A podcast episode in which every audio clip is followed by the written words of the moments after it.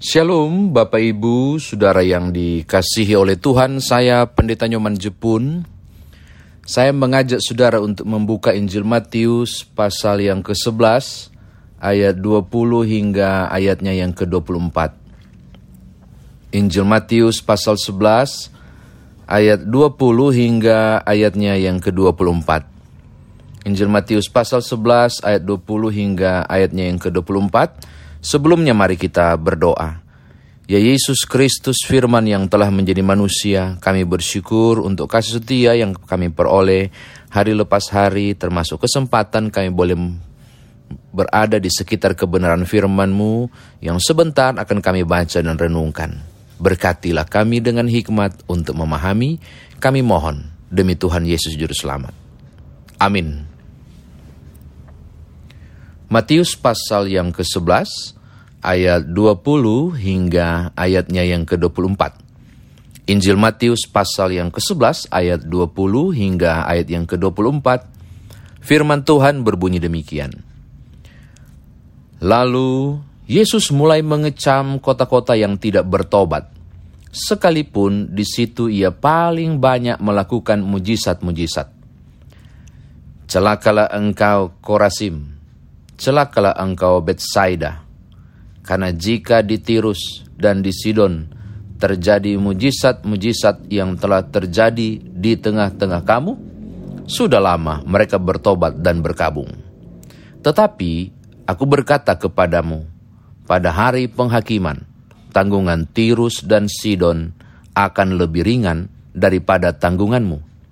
Dan engkau Kapernaum, apakah engkau akan dinaikkan sampai ke langit? Tidak, engkau akan diturunkan sampai ke dunia orang mati. Karena jika di Sodom terjadi mujizat-mujizat yang telah terjadi di tengah-tengah kamu, kota-kota itu tentu masih berdiri sampai hari ini. Tetapi aku berkata kepadamu, pada hari penghakiman, tanggungan negeri Sodom akan lebih ringan daripada tanggunganmu. Demikian firman Tuhan, saudara dan saya dikatakan berbahagia jika mendengarkan firman Tuhan ini, merenungkannya, memberitakannya, istimewa melakukan dalam hidup beriman kita. Bapak Ibu, saudara kekasih di dalam Tuhan, saya mengajak saudara untuk melihat tiga kota perjanjian baru, lalu tiga kota perjanjian lama. Di kita kota perjanjian baru, di teks kita menyebut tiga kota. Yang pertama adalah Korasim yang kedua Betsaida, dan kemudian Kapernaum. Korasim paling tidak berjarak satu jam perjalanan searah dengan Kapernaum di sebelah utara. Dalam lingkaran yang sama juga uh, Betsaida memiliki kedekatan tiga kota ini, yaitu kota-kota yang sering kali dikunjungi oleh Tuhan Yesus. Paling menonjol, saudara akan menemukan kota Kapernaum karena menurut versi Injil Markus, mujizat perdana yang dibuat oleh Tuhan Yesus di Injil Markus adalah menyembuhkan ibu mertua Petrus di Kapernaum. Atau kalau saudara menyak, me, melaju lebih jauh di Injil Markus, saudara akan menemukan di pasal 2 tentang bagaimana orang lumpuh disembuhkan dan orang banyak menyaksikan dan terheran-heran. Itu ada di Kapernaum. Lalu kita menyebut ada tiga kota perjanjian lama. Di situ ada sebutan Tirus dan Sidon. Kalau saudara merujuk, silakan cari ensiklopedia atau googling ya. Saya tidak akan jelaskan karena pasti akan panjang sejarah kota ini. Paling tidak Tirus dan Sidon terkategori sebagai kota-kota yang sangat apa? Tanda kutip jorok secara iman. Kota-kota yang sangat berdosa di hadapan Tuhan yang sudah dimusnahkan perjanjian lama. Kita juga dapat satu kota di perjanjian lama, Sodom. Itu juga wow, amburadul kehidupan iman mereka. Penuh dengan dosa dan dikutuk oleh Tuhan. Bakar. Kita menemukan kota Sodom pun sudah tidak ada. Oke? Sekarang mari kita lihat bacaan kita. Kalau saudara membaca berulang-ulang pasal 20, lalu kemudian saudara mundur ke pasal-pasal sebelumnya, dan saudara melihat berbagai peristiwa mujizat yang sudah dibuat dan dilakukan oleh Yesus, Lalu kemudian saudara membuka lagi pasal 11, agak maju sedikit, tentang bagaimana kemudian uh, Yesus dimintain tanda, pasal 12 ayat 38, atau pasal-pasal yang lain, saudara akan menemukan sakit hati. Bukan sakit hati sih, sedih, lebih positif lagi, kerinduan agar tiga kota ini diselamatkan. Mengapa? bahwa begitu banyak karya dan mujizat dilakukan Tuhan Yesus untuk kota ini. Tujuan mujizat adalah supaya mereka percaya bahwa dialah Mesias. Tujuan mujizat adalah supaya mereka bertobat dan menerima pemberitaan. Tetapi begitu banyak karya agung yang dilakukan di kota ini. Dan begitu banyak mujizat yang Tuhan Yesus buat. Kalau saudara memeriksa perjanjian baru, Bukankah oh, nanti baca Injil Markus ya pasal 1, oh dia ditolak di sana di bait Allah. Itu sangat mengerikan. Betapa kemudian kota-kota ini menyaksikan keagungan Allah dibanding kota yang lain. Kota-kota inilah yang melihat luar biasa tentang pekerjaan Yesus Kristus yang penuh ajaib. Tapi kota-kota inilah yang juga menolak Kristus. Ini sedia Bapak Ibu, Eh, membayangkan betapa mereka terpilih sebagai tempat Yesus mempresentasikan kuasa ilahi di dalam dirinya. Tapi mereka justru yang paling pertama menolak pemberitaannya dan meng, dan tidak menggubris apa pun, tapi menikmati mujizat itu. Huh, menikmati mujizatnya, tapi percaya pada pemberitaannya. Hanya kelompok kecil yang percaya pada pemberitaannya. Oke? Okay? Nah, tiga kota ini dibandingkan oleh Tuhan Yesus dengan tiga kota perjanjian lama. Tuhan Yesus bilang kepada Korasim dan Betsaida, kota perjanjian baru, dia bilang begini, Tirus dan Sidon, saya mau bahasakan ulang ya dengan bahasa saya. Tirus dan Sidon itu penuh dosa. Tirus dan Sidon itu melukai Allah luar biasa. Tapi andai kata ada nabi yang diutus di sana, dan membuat mujizat seperti yang kalian terima yang saya kasih. Saya yakin, kata Yesus, bahwa Tirus dan Sidon tidak dimusnahkan.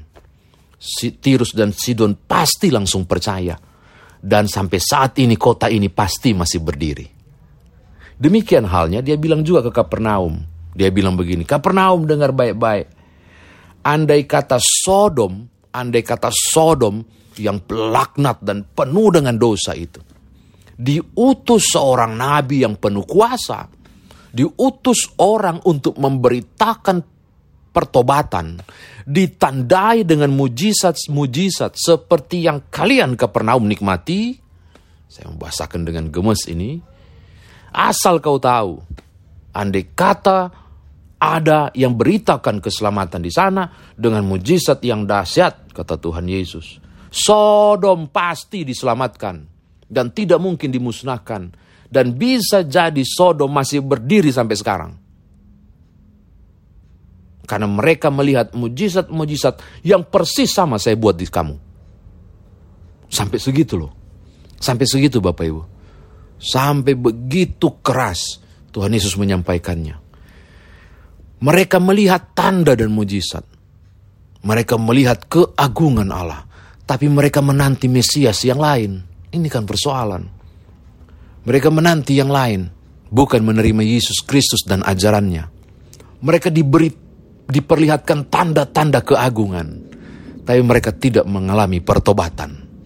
Maka secara tidak langsung Tuhan Yesus membilang begini, engkau mungkin menikmati berbagai mujizat-mujizat yang saya buat dan pemberitaan telah disampaikan kepadamu. Tapi jika tidak ada pertobatan, tidak ada keselamatan bagimu. Bahkan Tuhan Yesus bilang begini, uh, ngeri loh.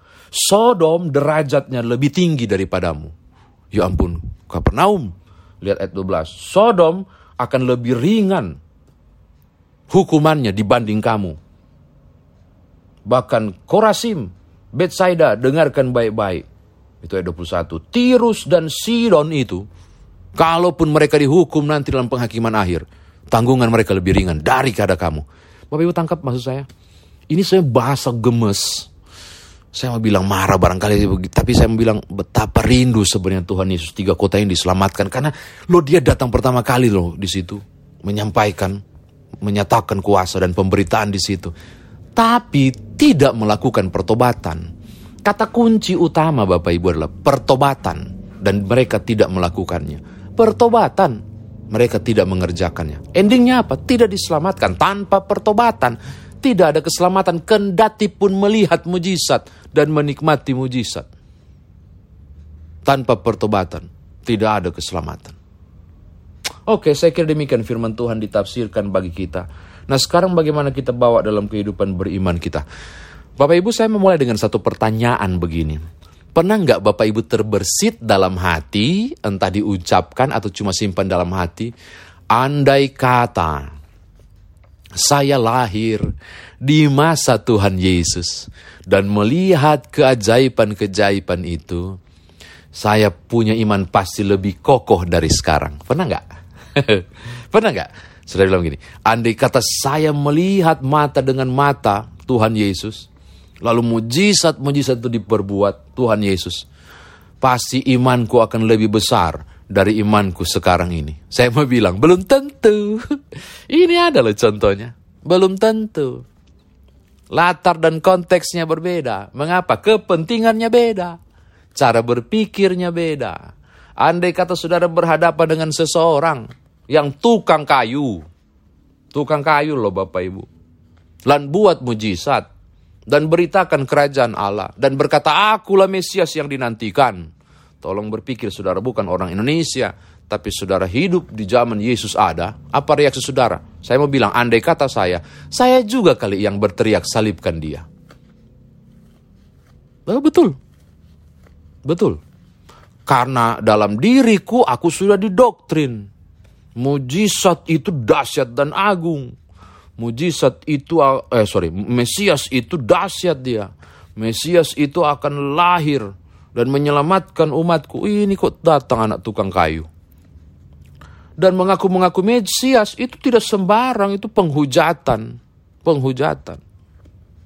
Apa yang saya mau katakan? Belum tentu ketika saudara melihat Yesus sekalipun saudara berlangsung percaya dan iman saudara menjadi besar. Belum tentu kalau saudara di zaman Yesus. Kenapa Bapak Ibu? Kenapa?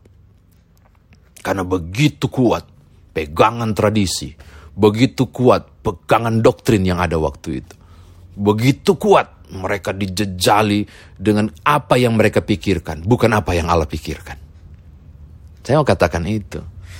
Nggak mudah Bapak Ibu. Kalau sekarang, siapa pun yang lihat Yesus yang luar biasa, tiba-tiba datang pasti imannya luar biasa. Karena beda, beda situasi, beda keadaan.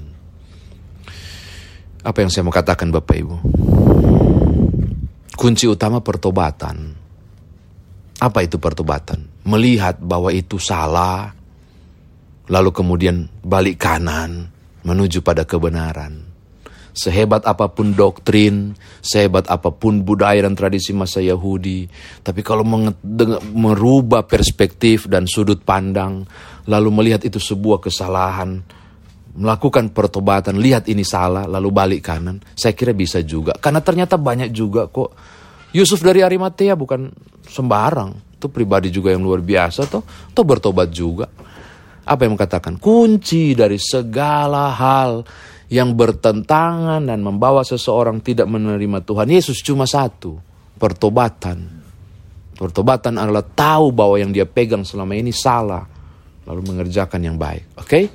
Ini yang pertama Bapak Ibu. Yang kedua. Saya mau tutup, mau bilang begini kepada Bapak Ibu. Bahwa banyak orang menikmati mujizat. Betul kan? Banyak orang juga mendengar kabar baik. Betul toh? Sampai sekarang Yesus belum berhenti berkarya loh Bapak Ibu. Melalui kuasa rohnya, pekerjaan-pekerjaan itu dilakukan. Mujizat juga dikerjakan. Pemberitaan masih terus dilakukan. Tapi saya mau katakan semua sia-sia. Semua sia-sia. Kalau tidak ada pertobatan, Barangkali hari ini engkau dijama dan disembuhkan dan engkau menerima mujizat, engkau pikir engkau diselamatkan. Enggak. Engkau harus bertobat dan terima Tuhan Yesus. Mohon maaf, ada begitu banyak orang yang kalau kita nonton di YouTube lah di mana dijama Tuhan. Yang orang-orang yang tidak seiman, disembuhkan, diselamatkan, se sehat tiba-tiba. Apakah dia diselamatkan nanti dulu? Ada pertobatan enggak? Menerima enggak Yesus sebagai Tuhan dan Juru Selamat? Atau hanya seperti Kapernaum yang terima mujizat, tapi tidak menerima dia sebagai Juru Selamat? Itu beda Bapak Ibu. Penting sekali, pertobatan. Sangat penting. Jaminan keselamatan saudara, Yesus Kristus, nggak ada yang lain. Tapi untuk menggapai jaminan itu, perlu ada pertobatan. Saya ulangi ya, keselamatan jaminan itu datang dari Yesus Kristus. Datang itu cuma-cuma jaminannya Yesus Kristus. Tapi mohon maaf, untuk terhisap pada jaminan itu pertobatan. Menerima Kristus sebagai Tuhan dan Juru Selamat. Lalu kami berupaya hidup selalu bersih dan benar di hadapannya. Selamat menikmati mujizat Tuhan. Boya bertobatlah. Kira-kira begitu. Selamat menikmati firman Allah. Boya kemudian perilaku hidup saudara dan saya berubah. Tuhan berkati Bapak Ibu. Haleluya. Amin.